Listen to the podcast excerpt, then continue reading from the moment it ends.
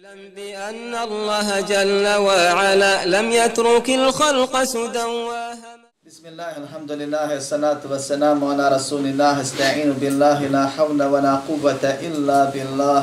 اللهم لا سهل إلا ما جعلته سهلا وأنت تجعل الحزن إذا شئت سهلا اللهم أرنا الحق حقا وارزقنا اتباعه وأرنا الباطل باطلا وارزقنا اجتنابه ولا تجعل الحق ملتبسا علينا فنضل.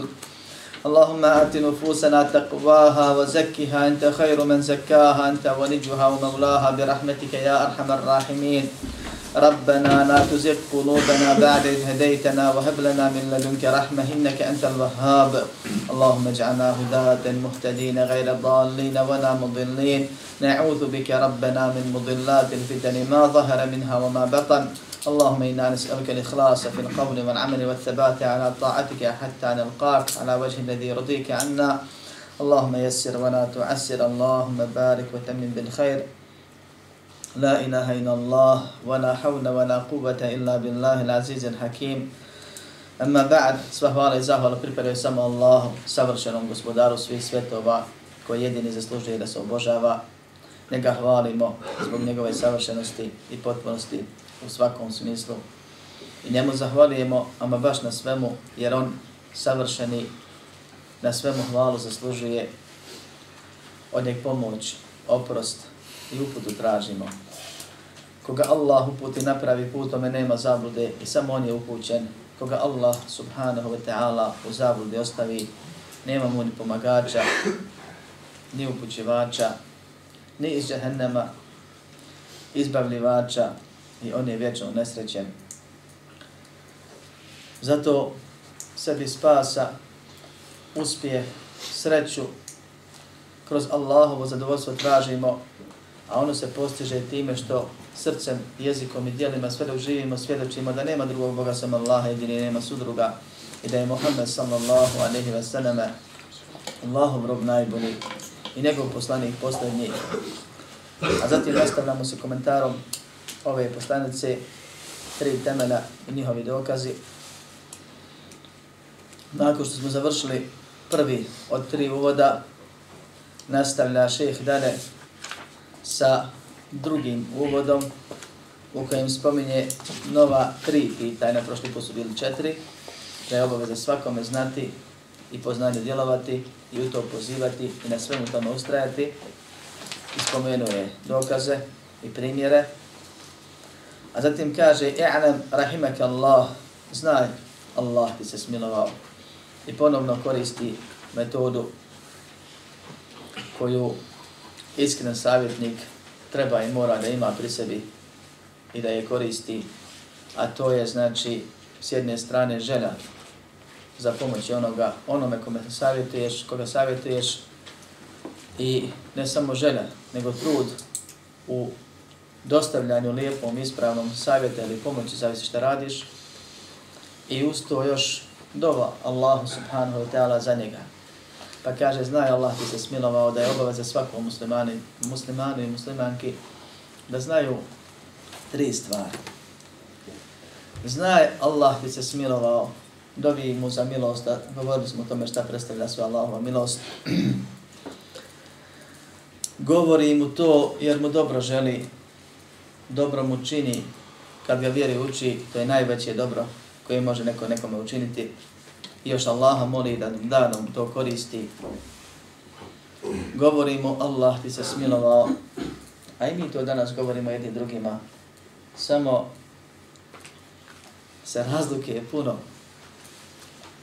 Način i razlog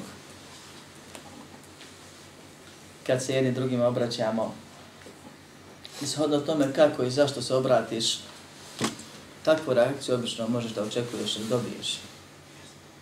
Pa imamo situacije da ti čovjek kad se u grijehu ili u grešci ili ti hoće privući pažnju, a često nam je to uzrečica, tako prouči dovu i tako ti kaže Allah ti se smilovao da tebi jedino što na pa da kažeš to mene se tebi smiluje. Jer osjećaš to ne kao dovu i ne kao milost, nego kao dobru kritiku ravnu psovcu. Tako nastupi. Ni to on dovi, nego je to uzrečica. Ni ti to doživljavaš kao dovu. A do njega je. Jer to je dova, to nije riječ. To nije zamjena za psovke. Iz džahilijeta smo prešli u drugo, sad imamo neke naše islamske uzrečice. To je dova koju čovjek treba da doživljava kad je upućuje nekome. Pa će biti koristi i za njega i za, za drugoga. I bit će reakcija. I zatiče mu iz srca, amin, i tebi reći šta treba. Šta je, gdje je. Pa će onda saslušat fino i prihvatiti. Imamo i puno tih stvari kod nas koje su možda neke kad smo se vraćali vjeri bile na srcu. Bile su i. Pa su postale okorijeli adet, običaj i shodno tvom stanju, ako si u srđbi, ako si zabrenut, ako si, ne znam, nija, sam po sebi živac ili hoja, i način kako to kažeš, proizvodi totalno pogrešne ili suprotne reakcije od onoga zbog čega je to propisano. I u drugim dovama, pa i ove. Kad neko kihne pa kaže Alhamdulillah, a ti moj srca kažeš Ja Allah. Ako ti Allah primi dovu blago njemu vječno je sredan. To ne smije biti usput. Allah ti se smilovao.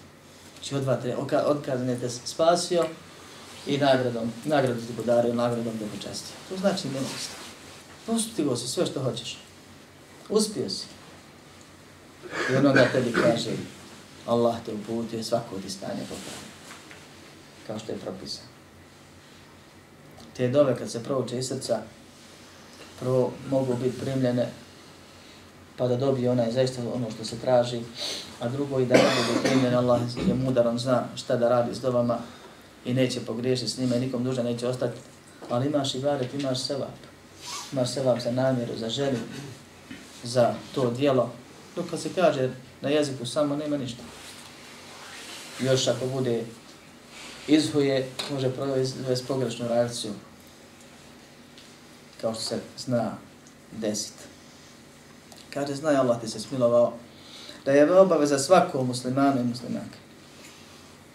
Da spoznaju, to jest da vjeruju, nakon što nauče, jer smo učili da je zna, cilj znanja dijelo,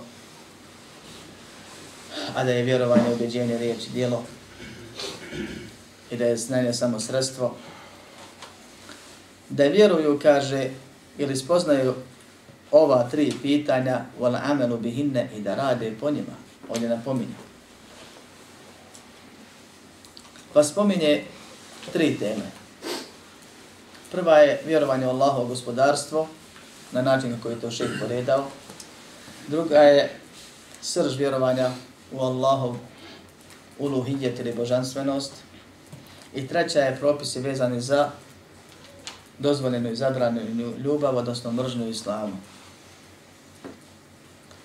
Počinje sa onim s čim se slažu svi koji se pripisuju islamu ili svi koji vjeruju u Boga. S ciljem da dođe do onoga gdje se razilazi. A ono na čemu se slažu, nužno tjera onome ko svata šta govori i u što vjeruje, nužno ga tjera da prihvati ono istinu po pitanju onoga gdje se razilazi.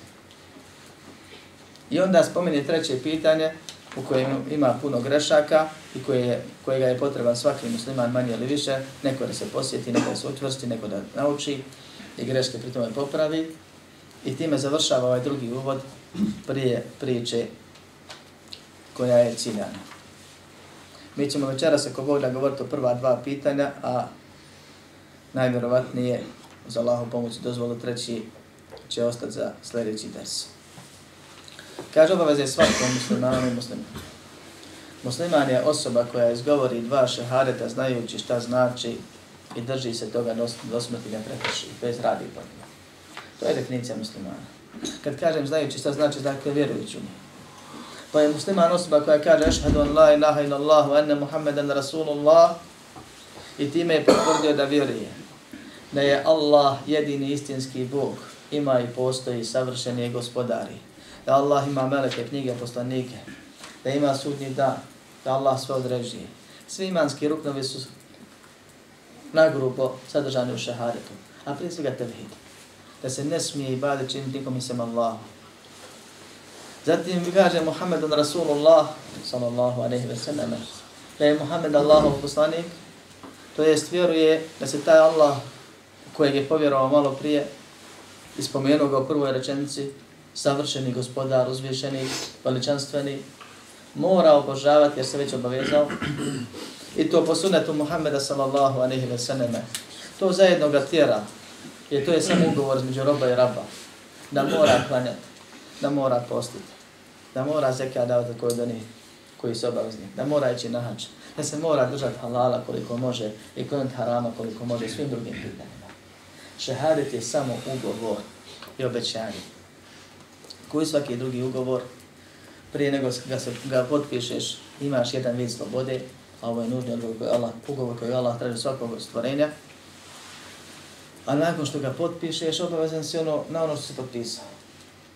Pa kad kažemo da je musliman osoba koja izgovara dva šehadeta, to je jako manjkava definicija. Koja izgovara dva šehadeta znajući šta je posvjedočio i drži se tog svjedočenja, inače nije svjedok. Ako ne vjeruje u to, da je lažni svjedok, ako ga se uhvati vremenom da se radi suprotno, opet nije svjedok, ne može svjedočiti. Njegovo svjedočenje se odgaci.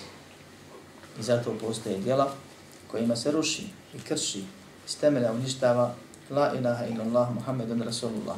Pa čovjek vam što može ući u vjeru, može iz nje izaći da nas Allah sačuva.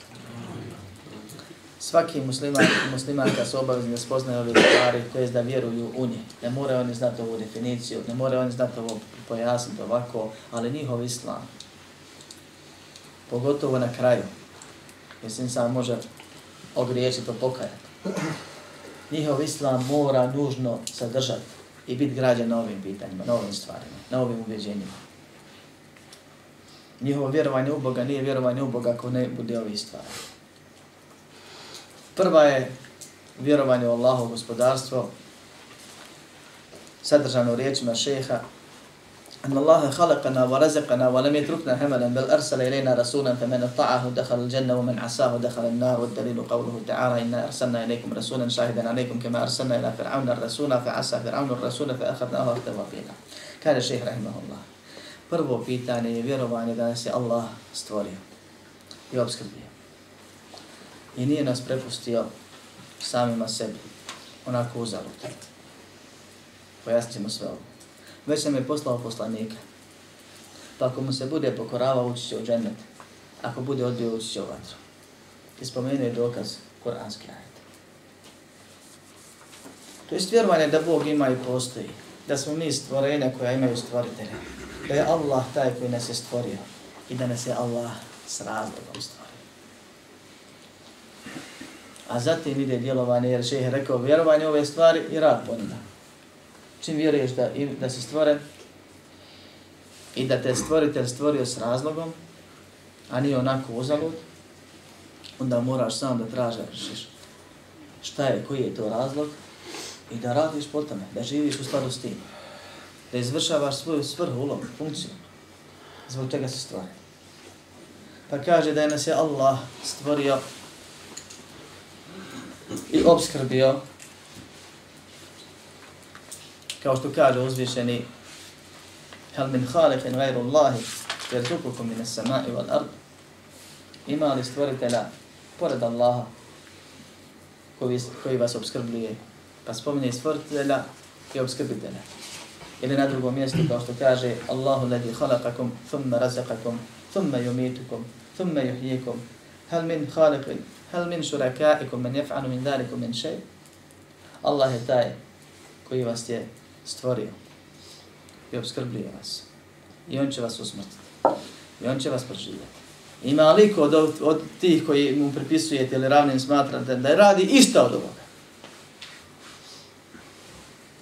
Allah subhanahu wa ta'ala na mnogim mjestima u Koranu poziva mušrike koji su odbili da vjeruju Muhammeda sallallahu alaihi wa sallam. I podsjeća vjernike A Kur'an je univerzalno pismo koje je Allah uzvišeno objavio svom poslaniku, a time ga preko njega poslao svakom čovjeku i džinu. Posebno svakom vjerniku. Svaki zarez i tačka u Kur'anu, svaki ajet ili riječ je Allah poslao tebi. Tebi direktno. I meni naravno. Poslanik sallallahu alaihi sallam poslanik. Poslan da nam dostavi. Poput poštari. I on nam dostavio poslanicu pismo od Allaha uzvišenog. Tako se svaki ajet odnosi na mene, na sve ostale ljude, vjernike ili nevjernike. I Allah subhanahu wa ta'ala kad se obraća mušlicima, u tome je poruka i pouka vjernicima. Kur'an je pun podsjećanja da je Allah gospodar, da je Allah sve stvorio, da Allah svim upravlja, da Allah sve obskrbljuje, da Allah sve uređuje, da je Allah unaprijed sudbinu odredio, da biva kako Allah hoće. Pa po, po, po jedinačne primjene govori Allah subhanahu wa ta'ala o stvaranju nebesa, o stvaranju zemlje, o smjeni dana i noći, o stvaranju insana, o stvaranju nekih hajvana, o stvaranju velikih Allahovi stvorenja, poput sunca, mjeseca, planina, o morima, o načinu kako spušta kišu, o dijelovima obskrbi, o svojoj moći kroz razno razne druge stvari, o ljepotama njegovog stvaranja, o veličini njegovih stvorenja koja ukazuje na, na njegovu veličinu, o snazi njegovih stvorenja koja ukazuje na snagu stvoritelja ili posjećanja I mnoge, mnoge druge stvari. U tome je dokaz onome ko vjeruje u Boga, ili dokaz onome ko tvrdi da ne vjeruje u Boga, da povjeruje u Boga, i dokaz onome koji vjeruje u Boga, da obožava samo njega.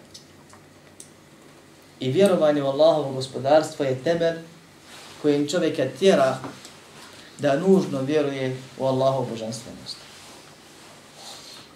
Da vjeruješ da imaš stvoritelja i da si ti stvorenje, da te taj stvoritelj okreće i pokreće kako on hoće i tomu upravlja i da ti ne možeš ništa učiniti bez njegove dozvole i određenja njegovog. I da on je taj koji te s razlogom stvorio pa se pita šta je razlog, on ti je razlog spomenuo i pojasnio. I zato je bitno da insan, čitajući Allahu objavu, Kur'an, obrati pažnju i razmisli o ovim stvarima. Da ne kaže i ne preleti preko toga to Allahu, govori mušnicima, ovo govori židovima, ovo govori kršćanima i njega se tiče 5% ajeta. Naprotiv. Svaki ajet u Koranu je bitan meni. Kad ga čitam ili slušam i tebi isto tako. I svakome tako i u njemu su dokazi.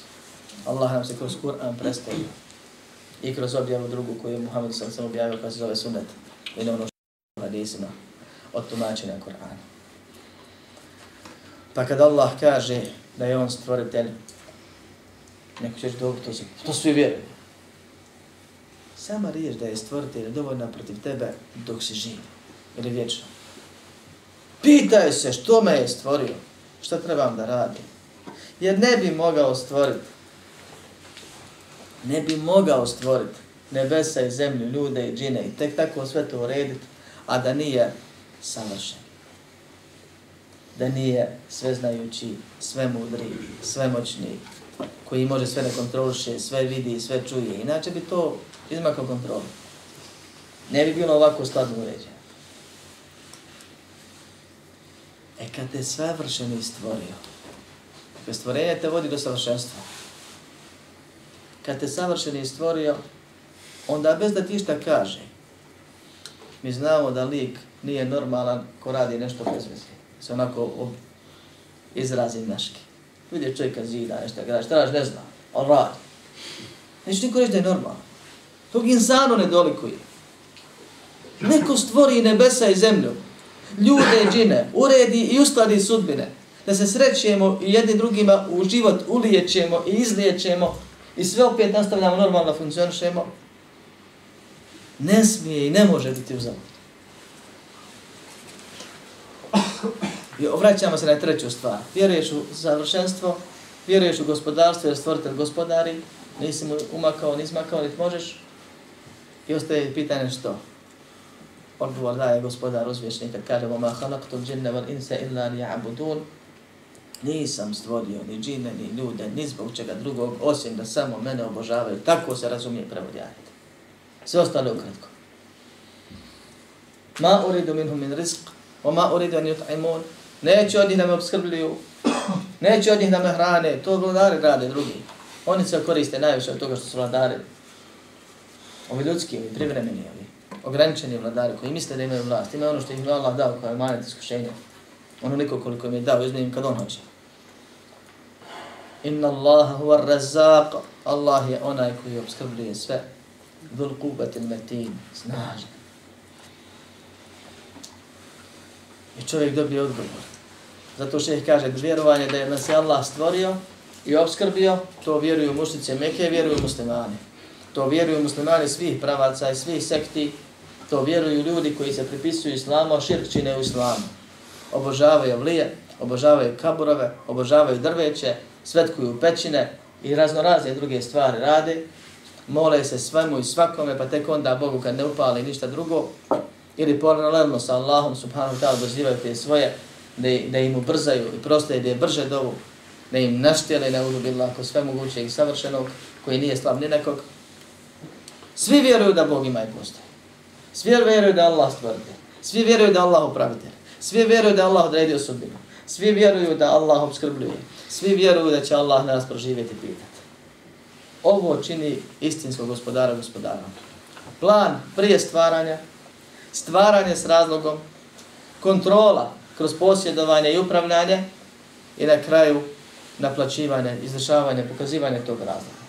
Allah je sve odredio sudbino, Allah je sve stvorio i stvara, Allah sve stvoreno jedini posjeduje u potpunosti, nikome ne uzima. Allah to što je stvorio, što posjeduje, ne, ne, on upravlja, on održava, on, on smjerava, on uživljava, on smrći, on obskrbljuje i tako dalje i tako dalje. Upućuje, ostavlja u zabludi, uzdiže, ponižava, liječi, daje da se razboli. I na kraju sve će Allah uništiti i ponovno će sve proživjeti.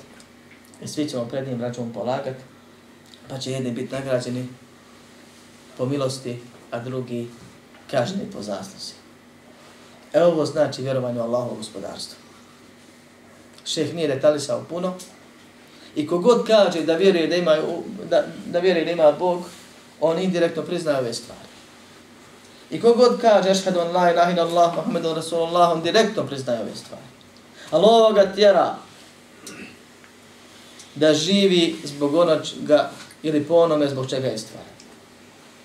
I zato kaže šeh vjerovanje da nas je Allah stvorio i obskrbio i nije nas samim sebi prepustio. To se danas zove sloboda. Nije nas slobodnim učinio. Nije nas, kažu to komentatori, ostavio, kao što komentaršu ajet, gdje Allah uzvišnji ovo baš govori, Efe hasibtum ennema khalaqnakum abetan wa ennekum ilajna la turđa'un. Mislite li da smo vas bez razloga, onako, ofrli, što bi se reklo, to je abet, bez cilja, bez reda, bez plana. Da smo vas tako stvorili i da nam nećete biti vraćeni, kažu komentatori, nismo vas stvorili bez i ostavili bez nagrade, bez naredbe i kazne, bez propisa. Pa onaj ko nas je stvorio i koji nas čuva i hrani i brani, do roka određenog koji nam je on odredio. Ne možemo ga ni ubrzati ni odgoditi. I uzet će nam duš kad on bude htio. I neće nam uzeti dušu dok nam nestane na fakije koje nam on uredio. I neće nam nestati na fakije dok ne nestane života. Ili ne nestane života. Ne možeš, to je jedno dvoje povezano. Dok živiš imaš na faku.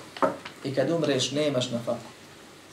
Sve ti odredi do kraja života. Svi smo mi obezbijedili sebe i svoje djecu i unuke i pravunuke. Obezbijeđeni smo već. Čim smo stvoreni. Nema potrebe da brinemo. Ali to ima cilj, to ima razlog. To nije uzavut.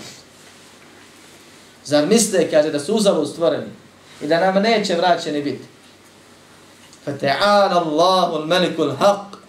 Uzvišen neka je Allah od toga. Istinski vladar. Na dolog je to insano, kamo li savršenom gospodaru. Insanu da dolike nešto radi bez silja. La ilaha illa hu. Nema Boga osim njega. A ovo je razlog čega smo stvari. Ovo je Rabbul Aršan, Kerim, gospodar. Aršan, plemeniti. Pa kaže, vjerujemo ili vjerovati da nas je Allah obskrbi, stvorio i obskrbio, odnosno obskrbljuje i nije nas samim sebi prepustio, to jest bez naredbe i zabrane ostavio, bez cilja i smjernice, bel arsene i rejna rasula, nego nam je poslao poslanika. Govorio sam prošli put da je sura Asad dokaz protiv stvorenja, kad bi bila sama. Morao bi da tražiš u što vjerovat, kako djelovat, koga, kako pozivat, kad i na čemu sve osaborit. Međutim, Allah subhanahu wa ta'ala nije nas propustio da mi to kontamo, nego nam je odredio objavu i poslao njeno tumačenje. Allah stvorio Muhammeda alaihi salam, poslanika Allahova, najboljeg Allahovog roba, milenika, nama najdražu osobu, najdraže stvorenje. Stvorio ga da bi ga počastio poslanicom, da bi on ili preko njega dostavio svoju objavu. I cilj objava nije cilj on, sallallahu alaihi I zato kad je on dostavio objavu, povukao ga uzao ga i sebi usmrtio. Završio svoj posao. Ali je tokom dostavljanja objave 23 godine objavu primao, tumačio i pokazivao praktično. I to je njegova svrha sa Allahom svemiru. Allah je preko njega dostavio objavu svima. I tako ga učinio milost svim svjetovima. Ta objava je Kur'an i ono što ga detaljnije tumači. Sunna. Kao što kaže poslanik sa svem, dobio sam Kur'an i nešto što je njemu slično u jednom rivajetu veće od njega. To je sunnet, jer je opširni sunnet. Kur'an, ni manje ni više, je upustvo za upotrebu insana i džina. A sunnet je ono što ga detaljnije tumači i prevodi. Navešću jedan primjer onako, samo da shvatimo. Jer ovo je jako bitno. Čovjek bude potreba nekakvog aparata od čega mu ovisi život. I dobije savremen aparat, toliko dugo ga čekao, toliko ga dugo tražio, bez njeg nesretan bio, nasikiran, koji svako drugi pošto bez upute. I ustaje aparat, dobije upustvo za upotrebu, i ako ga ne koristi kako treba, neće od njeg ništa može. A ovisi mu život o tome. Međutim, to upustvo za upotrebu bude na kineskom. Ima aparat, ima upustvo i bez jednog dobrog poznavaoca kineskog jezika, on nema ništa. A život i da ne bila ugrožen. Kur'an je presuvano znanje. 23 godine najboljim stvorenju trebalo da protumači i primiti. Allahom mudrošću da zbog. Kur'an je upustvo za upotrebu čovjeka, ne možeš ga razumjeti bez Allahova poslanika koji ga je preveo i detaljno pojasnio. A bez tog dvoga nema života. Nema života. Vječni život, ovo svjetska i vječna ono svjetska sreća nam ovisi od, od Allahove I Allah nas stvorio s razlogom i poslao nam poslanika sa objavom da nam pojasni razlog, a to je ono što sam spomenuo i citirao gospodara svjetova kad kaže da se stvorio da samo njega obožavamo, to je razlog i kao, onda nam detaljno tokom 23 godine pokazao kako i zašto se samo Allah obožava. Kojim sve videovima i barite. Pa nam je došlo za 23 godine detalje o ispravnom islamskom vjerovanju i detalje o ruknovima vjere, namazu, postu, zakatu, hađu i o drugim farzovima i vađibima i mustahabima i sunetima, o halalu, o haramu, o dozvoljenim stvarima, o načinu obhođenja prema Allahu, prema poslaniku, prema roditeljima, prema pretpostavljenima, prema komšiji, prema rodbini, prema ostalim muslimanima, prema nemuslimanima, prema hajvajima, prema prirodi i sve ostale stvari koje su došle. Sve je to Muhammed sallallahu alaihi wa sallam protumačio, pokazao i za sebe ostavio prije nego ga je Allah subhanahu wa ta'ala usmrtio sebi povukao nakon što je poslanicu dostavio. Allah subhanahu wa ta'ala, da se tako izrazim, ili neću, pobrinuo se pobrinuo se za nas da nam toliko detaljno, na tako lahat, lijep način, na kaškicu, na crta. Nije poslao knjigu, čitaj se, tumači, kontaj. Nego ti poslao živi primjer. I naredio i napomenuo na više mjesta u Koranu da je to najbolji primjer, da se mora slijediti, da se treba slijediti, da je u njemu najbolji primjer. Ako hoćemo da postignemo što želimo, ako hoćemo da budemo spašeni, ako hoćemo da nam se milost ukaže i tako dalje.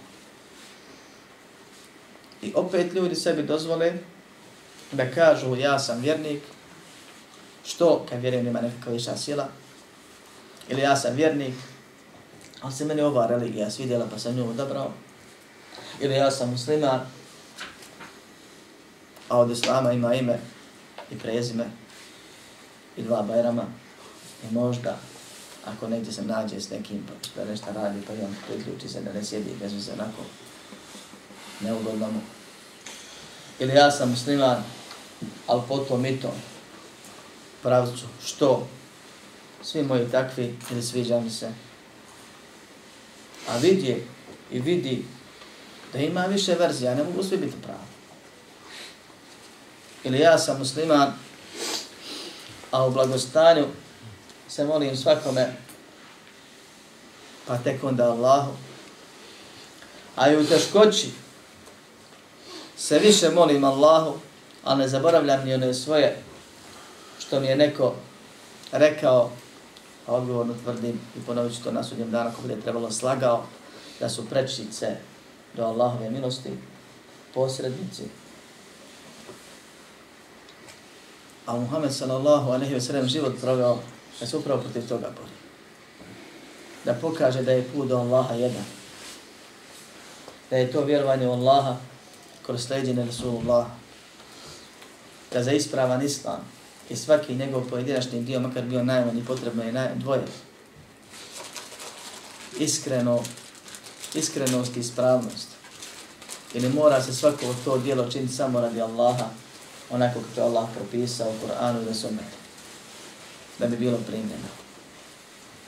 I zato šeh, pored toliko dokaza, spominje jedan po njemu najopečatljiviji, zaista je poseban. Ajeta o obaveznosti vjerovanja u Allaha, pokoravanja Allahu i sljeđenja poslanika sam sebi, pokoravanja poslanika u Kur'anu je puno.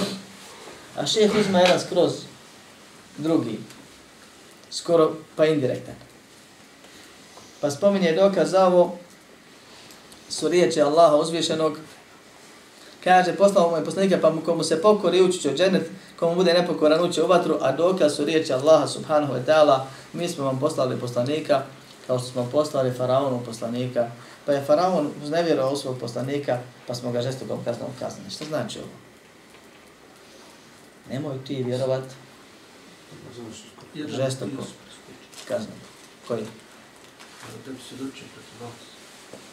Da, svjedoka protiv vas. Svejedno znači, ovdje je pojenta, mi smo vam poslali poslanika, svjedoka protiv vas, kao što smo poslali faraonu poslanika, pa je faraon bio nepokoran svom poslaniku da tala nagradi.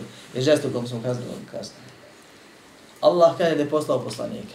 Još napomeni da on svjedok protiv onih koji odbiju. Ali na kraju kaže, isto smo to radili sa faraonom. I ne samo sa faraonom, postoje ajde u Koranu i historijske činjenice gdje je jasno ono što Allah subhanahu wa ta'ala kaže وَلَقَدْ بَعَثْنَا فِي كُلِّ أُمَّةٍ رَسُولٍ أَنْ يَعْبُدُ اللَّهُ وَاجْتَنِبُ الطَّاغُوتِ Mi smo svakoj zajednici, svakom umetu, svakom narodu poslanika slava. I to sa glavnom porukom. Allah obožavajte, a u taguta ne vjerujte. Taguta se glavno. To je ono sve što se obožava mimo Allaha subhanahu wa ta'ala. A ovdje kaže kao što smo faraonu poslali, pa je faraon bio nepokoran, i žestoku kaznu je dobio.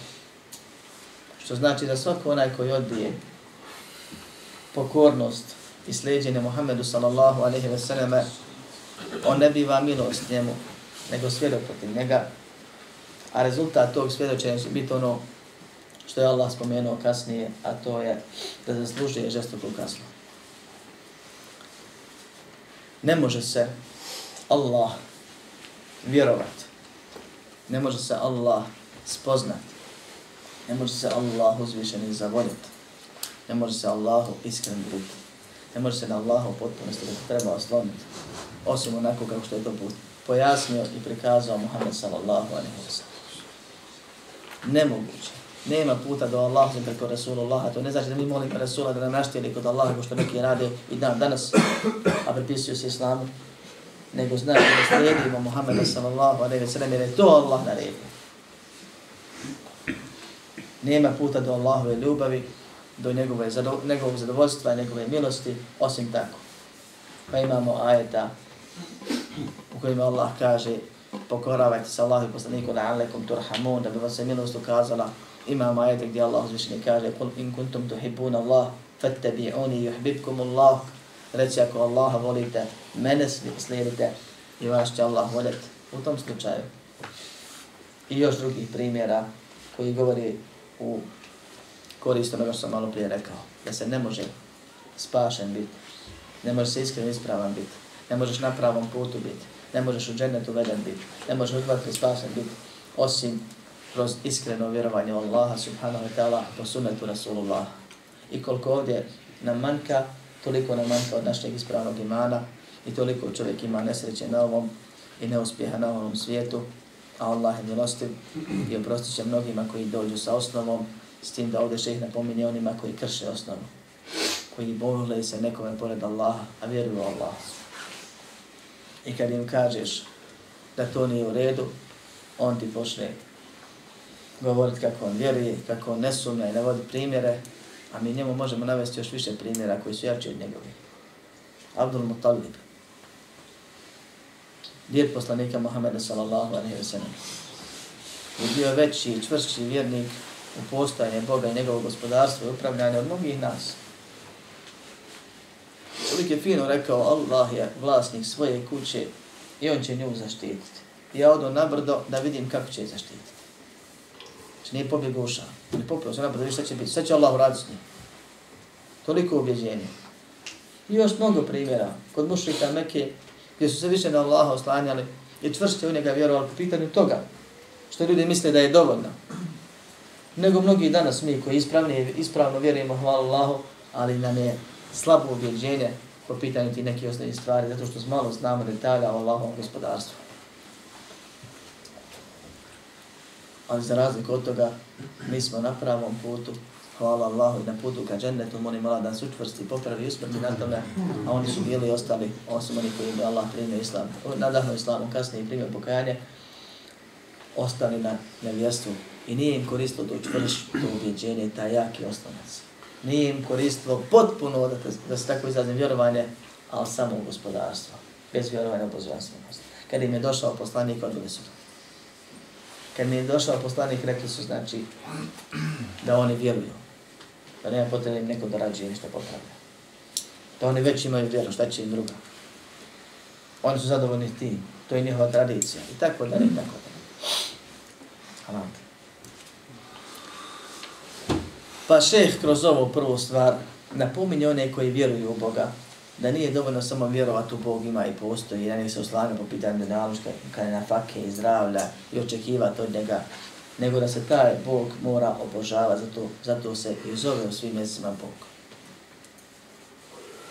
I da obožavanje biva onako kako je Allah propisao, a ne kako je znači bilo ko od nas ovako ili onako skontao, shvatio, sebi odredio, probrao, izabrao i tako da.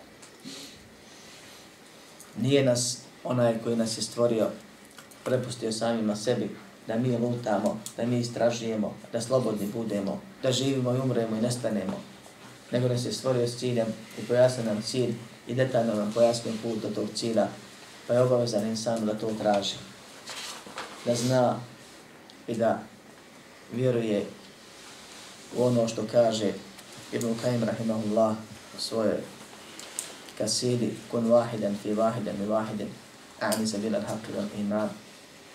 Budi jedan u jednome radi jednoga. To je put istine imana. Budi rob jednoga radeći iskreno radi njega po njegovim pravilima. Onako kako on propisao. To je put istine. To je put vjerovanja. To je put Muhammeda sallallahu alaihi wa sallam. Zatim šeh kaže druga. A svu ovu priču, ili ovaj tekst prvi, je napisao zbog druge upravo su vjeri. Druga stvar koju mora svako da spozna je en Allahe la yarda en yushake ma'u ahadun fi ibadatihi la malakun muqarrabun wa la nabiyyun mursalun. والدليل قوله تعالى وأن المساجد لله فلا تدعوا مع الله أحدا Onaj ko vjeruje da ima Boga, da ima stvoritelja, mora vjerovati da ima svrha i mora se raspitivati o toj svrhi ili svrci i mora da se drži tih pravila ako hoće da uspije. I nije dovoljno samo shvatiti da ima razlog ili shvatiti da ima Bog ili spoznat razlog ili jedno vrijeme ući u to i primjenjivati, nego je prava uputa da shvatiš ili spoznaš i priznaš i prihvatiš i primjenjuješ i do smrti da ustraješ, na tome presadiš. To je uputa. I to mi molimo Allaha svaki dan kad nas je obavezao na namazima kad kažemo ih ne se rata Pa ko vjeruje u Boga, mora da zna činjenicu koja je najnužnija od svih, a to je da Allah nije zadovoljan da mu se bilo kakav širk čini, da mu se bilo ko pridruži, da se bilo ko moli pored njega. Kaže, niti melek bliski, ni vjerovjesnik poslani, pogotovo ne neko ko je na manje stepenu od njih. Kao što kaže uzvišeni Inna Allaha la yaghfiru an yushraka bihi wa yaghfiru ma duna zalika liman yasha. Allah neće oprostiti mu se širk čini. To bilo koja vrsta. Da mu se bilo ko pridruži. Allah neće oprostiti onome ko se ne pokaje. Da mu se širk čini. Da se još neko pridruži onome što se mora Allahu, Allaha radi, po Allahovim pravilima radi A oprostit će, kaže ono ispod toga. Na drugom mjestu, ولا يأمركم أن تتخذوا الملائكة والنبيين أربابا يأمركم بالكفر بعد إذا أنتم مسلمون On vam kaže, ne naređuje, ne propisuje da uzimate meleke i poslanike za gospodare. Zar da vam kufr naredi? Zar da vam kufr, nevjerstvo propiše nakon što ste muslimani postali? Kad kritikuje sredbenike prethodnih religija koji su derogirani dolaskom Islama, kaže im itehadu ahbarahum wa ruhbanahum arbaba min duni Allah. Oni su uzeli svoje monahe i svoje rabine za gospodare pored Allah. Pa kaže Hatim, u stvari, Hatim Atai, kaže, mi ih nismo obožavali, o Allah poznače. Kaže, zar vam nisu naređivali odnosno oharamivali haram, pa bi i vi ga halalom smatrali, i oharamivali halal, pa bi i vi haramom smatrali, kaže, jesmo, kaže, to je vaše obožavanje. Zašto spominjemo ovu stvar? Zato što Allah kaže, nije vam naredio da, da uzmate meleke i poslanike za gospodare. I odmah skoči onaj što se moli njima, pored Allaha, da ga Allahu približe a izgovara se hadet i klanja i posti i zekija daje, eh, kaže, tamo vidiš, to je, nije dokaz protiv nas. Što? Zato što kaže, kaže Allah uzvišnje gospodare. Mi ne smatramo da su oni gospodari. Mi smatramo da Allah stvara, obskrbljuje, upravlja, određuje, usmrćuje i sviđa račune na kraju. Mi nismo, kaže, uzeli od gospodare. A šta radite? Molimo im se. Što? Traže šefa, traže bliskost, traže nešto. Manje ili više. Traže prije svega ono što su tražili mušnici neke. I to Allah u Koranu spominje. A zato je šeh, pored silnih dokaza, spomenuo baš jedan zanimljiv ovdje. Kad kaže Allah nije zadovoljan da, se spomin, da, da mu se moli iko, da mu se pridruži iko, ni melek, ni vjerovjesnik, a kamoli neko drugi, to, je, to se podrazumijeva, zato što je, kaže Allah uzvišen rekao, وأن المساجد لله فلا تدعوا مع الله أحدا مسجد su Allah radi, mesjidi Allahu pripadaju i zato se ne moli pored Allaha nikome. A u onom predaje malo prije, kad Allah uzvišeni kaže, uzeli su monahe i rabine za gospodare pored Allaha, da je čovjek koji je bio kršćanin, pa je Islam primio ashab, kasnije postao, kaže poslanik sa zem, nismo ih obožavali. On je odmah razumio da se odnosi na obožavanje. Jer se gospodar obožava. I ne obožava se osim gospodar. Ali on mislio da je obožavanje samo klanjanje. I tome slične stvari. Pa poslanik se ga usmjerava da ima još vidova obožavanja. Ali mu potvrđuje to. Da tu riječ. I kaže na kraju fetilke ibadetu. To je vaše obožavanje. To je, ili to je njihovo obožavanje. To je vid obožavanja. I gospodar se obožava. I svakog onoga koga zamoliš, ono što ti samo Allah može dati, ti si ga uzeo i za Boga i za gospodara. Zašto? Ne bi tražio da ne misliš da te može dati. A možete dati ono što mi Allah dao, odredio, ako Allah da i dozvoli, pa je besmisleno njemu se moliti, zato je zabranjeno da to je širk. Ili ti može da samostalno. Znači što on stvorio, a to ne postoji. I zato se ne obožava niko sam Allah. Jer ti niko sam Allah ne može dati ništa. I zato se ne moli nikome sam Allah. I zato se ne ibadeti nikome sam Allah. Jer se ibadetom bilo koji se, u, ibadetom poput ove gdje se traži direktno šta hoćeš, ili drugim ibadetom gdje se traži seva, poput namaza, zekata, klanja kurbana ili šta već rade, time se u oba slučaja nešto traži. A tražiti treba od onoga koji posjeduje. A samo gospodar sve posjeduje. Onaj koji je sve stvorio. A to je Allah subhanahu wa ta'ala. I zato dolazi s ovim ajetom kao dokaz da Allah nije zadovoljan da se bilo ko moli pored njega, bilo molitvom pitanja ili molitvom stanja, dokaz u riječi Allah uzvišno kaže mesčidi su Allaha radi. Mesčidi Allahu pripadaju. Šta je mesčid? Mjesto na kojem se čini srda. To je jedno značenje riječi i termina mesčid. Jedan od propisa. Mesčid je džamija, nije li tako? Prvo što na opanik se kaže mesčid je mesčid. Mjesto gdje se ide i obavlja džamatski namaz. I to je prvo značenje mesčida. I džamije se grade radi Allaha i da bi se u njima Allahom molilo. I tu nema mjesta za dovi bilo kome drugom. Ni meleku, ni poslaniku, ni nekome drugom. Drugo je mesčid, ili drugo značenje riječi mesčid, a eto pohvata sve. Ne kaže mesčidi ne kaže ovi ili oni, ova vrsta ili ona. Je mjesto na kome se čini sežda. Kaže Allahu poslanik sallallahu alejhi ve sellem u hadisu koji vizija u Buhari Muslimu svoja dva sahiha, wa ju'ina liyal ardu masjidan wa tahura učinjena je cijela zemlja čistom i mesčidom. Pa ko god od zmog umeta zategne ga gdje god namaz ne klanja tu. Pa je mesčidom se naziva u šarijetu svako mjesto gdje se čini sežda, gdje se klanja, gdje se dživi molitva bilo kako, to sežda. I cijela zemlja je mesčid. Znači, ko što nije dozvoljeno u džamijama moliti nekog sem Allaha, tako nije ni bilo dozvoljeno ni bilo gdje drugo gdje možeš da to uradiš. I treće značenje riječi mesčid, su dijelovi kojima se čini sežda. Čelo, šake, koljena, vrhovi stopala. A sve to troje je propisano radi sežde. Pa dio kaže da mesti znači sežda, klanjanje, naklanjanje, molitva, moljenje. Bilo koje vrste, prije svega sežda. Je to naj očitiji izraz poniznosti i veličanja. Čovjek se sagne, maksimalno se ponizi i još najbolje riječi izgovara pritom Allaha veliča. Ne smiju se džamije praviti ni zlopotrebiti tako što će se u njima neko drugi, pored Allaha, bilo kojom vrstom molitve moliti. Spomenut ćemo dvije glavne vrste molitve, iz koje ne izlazi nikakva drugi bajet. I ne smije se bilo koje parče planete upotrijebiti, jer Allah kaže mesitu se radi Allaha, pa se ne moli nikome sem Allaha. Allahu.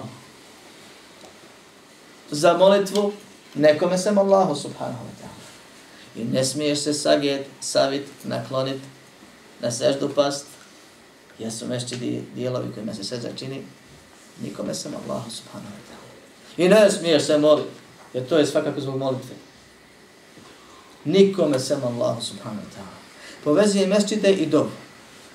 Doslovno preveden ajet, mešćide su Allahu, Allaha radi ili mesčidi pripadaju Allahu, sa svojim ovim značenjem, Zato ne dovi nikome sem Allah. Fala tede'u, ne dozivaj nikoga sem Allah. Međutim, učenjaci su složni da postoje dvije vrste dove. I da sve što insan radi od ibadeta je jedna od dvije vrste dove. Da je bi sedam raja. Dova pitanja, direktno, ja rab daj mi to i to, pomozi me, sačuvaj me, izliječi me, puti me, obskrbi me i tako. I dova stanja, svaki namaz. Možeš dobiti Allahu i to jako bitnim dovama, a da riječ ne kažeš. Dovoljno je samo da ustaneš prije zore i da zanijetiš da ćeš postiti do akšama. To je jedna od najboljih dova. Ko posti dan na Allahovom putu na file, bit će udaren od džahennema 70 godina. Po hadisu vjerodostojno. Ti svojim ustajanjem prije zore i nijetom da nećeš jest, piti, polno općiti i ružno govoriti do akšama. Ti tražiš od Allaha se vape raznorazne i tražiš od Allaha udare se na 10 godina od. I to je dova. I tako svaki drugi ibad koji se čini, njime se traži od Allaha nagrada. Bez, bez da se kaže isto. Pa imamo dova stanja, to su svi ibadeti, i dova pitanja, to su oni ibadeti ili oni dijelovi unutar nekih ibadeta poput namaza, imamo praktični gdje se saginjanjem traži seva, ustajanjem traži seva, pokretanjem koje je propisan traži seva, plus izgovaraš stvari gdje veličaš tražiš seva i plus tražiš direktno određena pitanja, bilo su propisane ili ne, pa kad kaže ihdi nesiratan mustaqim, tražiš uputu i kad doviš na sve što hoćeš, tražiš ono što tražiš i što doviš, tako da dova stane dova pitanja. Allah uzvišen je u ovom ajetu, kao i svakom drugom, se obraća Arapima na vrhovskom arapskom jeziku. Po pravila jezika. Po jezičkoj kulturi. I pravilima. Pa kaže, ne molite se u sadašnjem vremenu nakon negacije, obuhvata sve vrste molbi, ništa ne uzvisu. Znači, nemoj tražit, pitat, ono što samo Allah može dati, i nemoj klanjat, nemoj postit, nemoj glavu brijat, nemoj se sagnjat, nemoj se naklanjat, nemoj žrtvovat žrtve, nemoj se zavjetovati, sve ostale ibadete. Ne Allah, sa Allahom. Nije rekao nekom bez Allaha. I to mušnici ne radi. Ni oni prijašnji, ni ovi savremeni. Nego kaže sa Allahom, oni se mole Allahu subhanahu wa ta'ala. Ali pored toga imaju neke vidove, neke ibadete koje rade nekima da ih Allahu približe. Da se za njih zauzimaju. Da njihova, kaže, je kabulnija nego moja doba, pa da se ja njima nekako zbližim, približim njima, nek bilo oni proslijedili gore. I tako da. Imaju oni ugled, imaju oni položaj kod Allaha imaju oni svetost, hormetom šehida, kaže, ugledom poslanika, sve haram dove. Ali to nije širk, širk je kad moli šehida ili moli poslanika da, on, da on moli Allah za njega. E kad je širku izvodi iz a Ovo prvo je težak grijeh koji vodi ka širku. Pa kaže, ne molite se sa Allahom, uz Allaha, pored Allaha, ehada, nikom. Ehad je riječ koja znači nešto važno jeziku nešto. Shodno kontekstu u kojem dolazi, tumači se kao ništa, išta, bilo šta i tako dalje. Pa pravila arapskog jezika nalažu da kad dođe ehad neodređeno, nakon negacije ili zabrane ili uvjeta ili upita, da to ima opšti karakter, ne uzuzima ništa. Pa pa pita čovjek, hel min ehadin, fit da. Doslovno prevedeno guglovski, ima li neko u kući? jezički razumijeno, razumije se, ima li ikoga u kući? Ma min ahadin, nema nikoga. I tako ostale stvari. Ovdje Allah kaže, ne moli se, zabranije. Nakon zabranje. Sa Allahom ehada. Ne znači, ne znači nekome, ili bilo kome. Znači nikome. I to kaže Allah uzvišeni. I kogod dođe i postoji i kaže vi ne poštujete poslanika, nećete tamo se molite ili nešto drugo, mi kažemo mi vjerujemo Allaha i vjerujemo poslanika, sam sve poslanik život proveo sallallahu a ne i borio se protiv onih i odricao se onih koji se moli nekom pored Allaha da ih Allahu približe, a Allah u Kur'anu zabranio i rekao ne moli se nikome.